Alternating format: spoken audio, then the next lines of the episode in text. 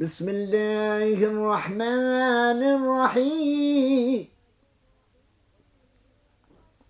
والتين والزيتون وطور سينين وهذا البلد الأمين. لقد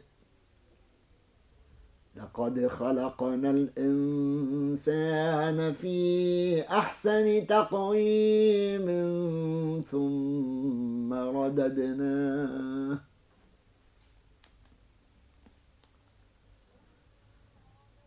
ثم رددناه أسفل سافلين إلا إلا الذين آمنوا وعملوا الصالحات فلهم فلهم أجر غير ممنون. يكذبك بعد بالدين. أليس الله بأحكم الحاكمين؟ صدق الله مولانا العظيم.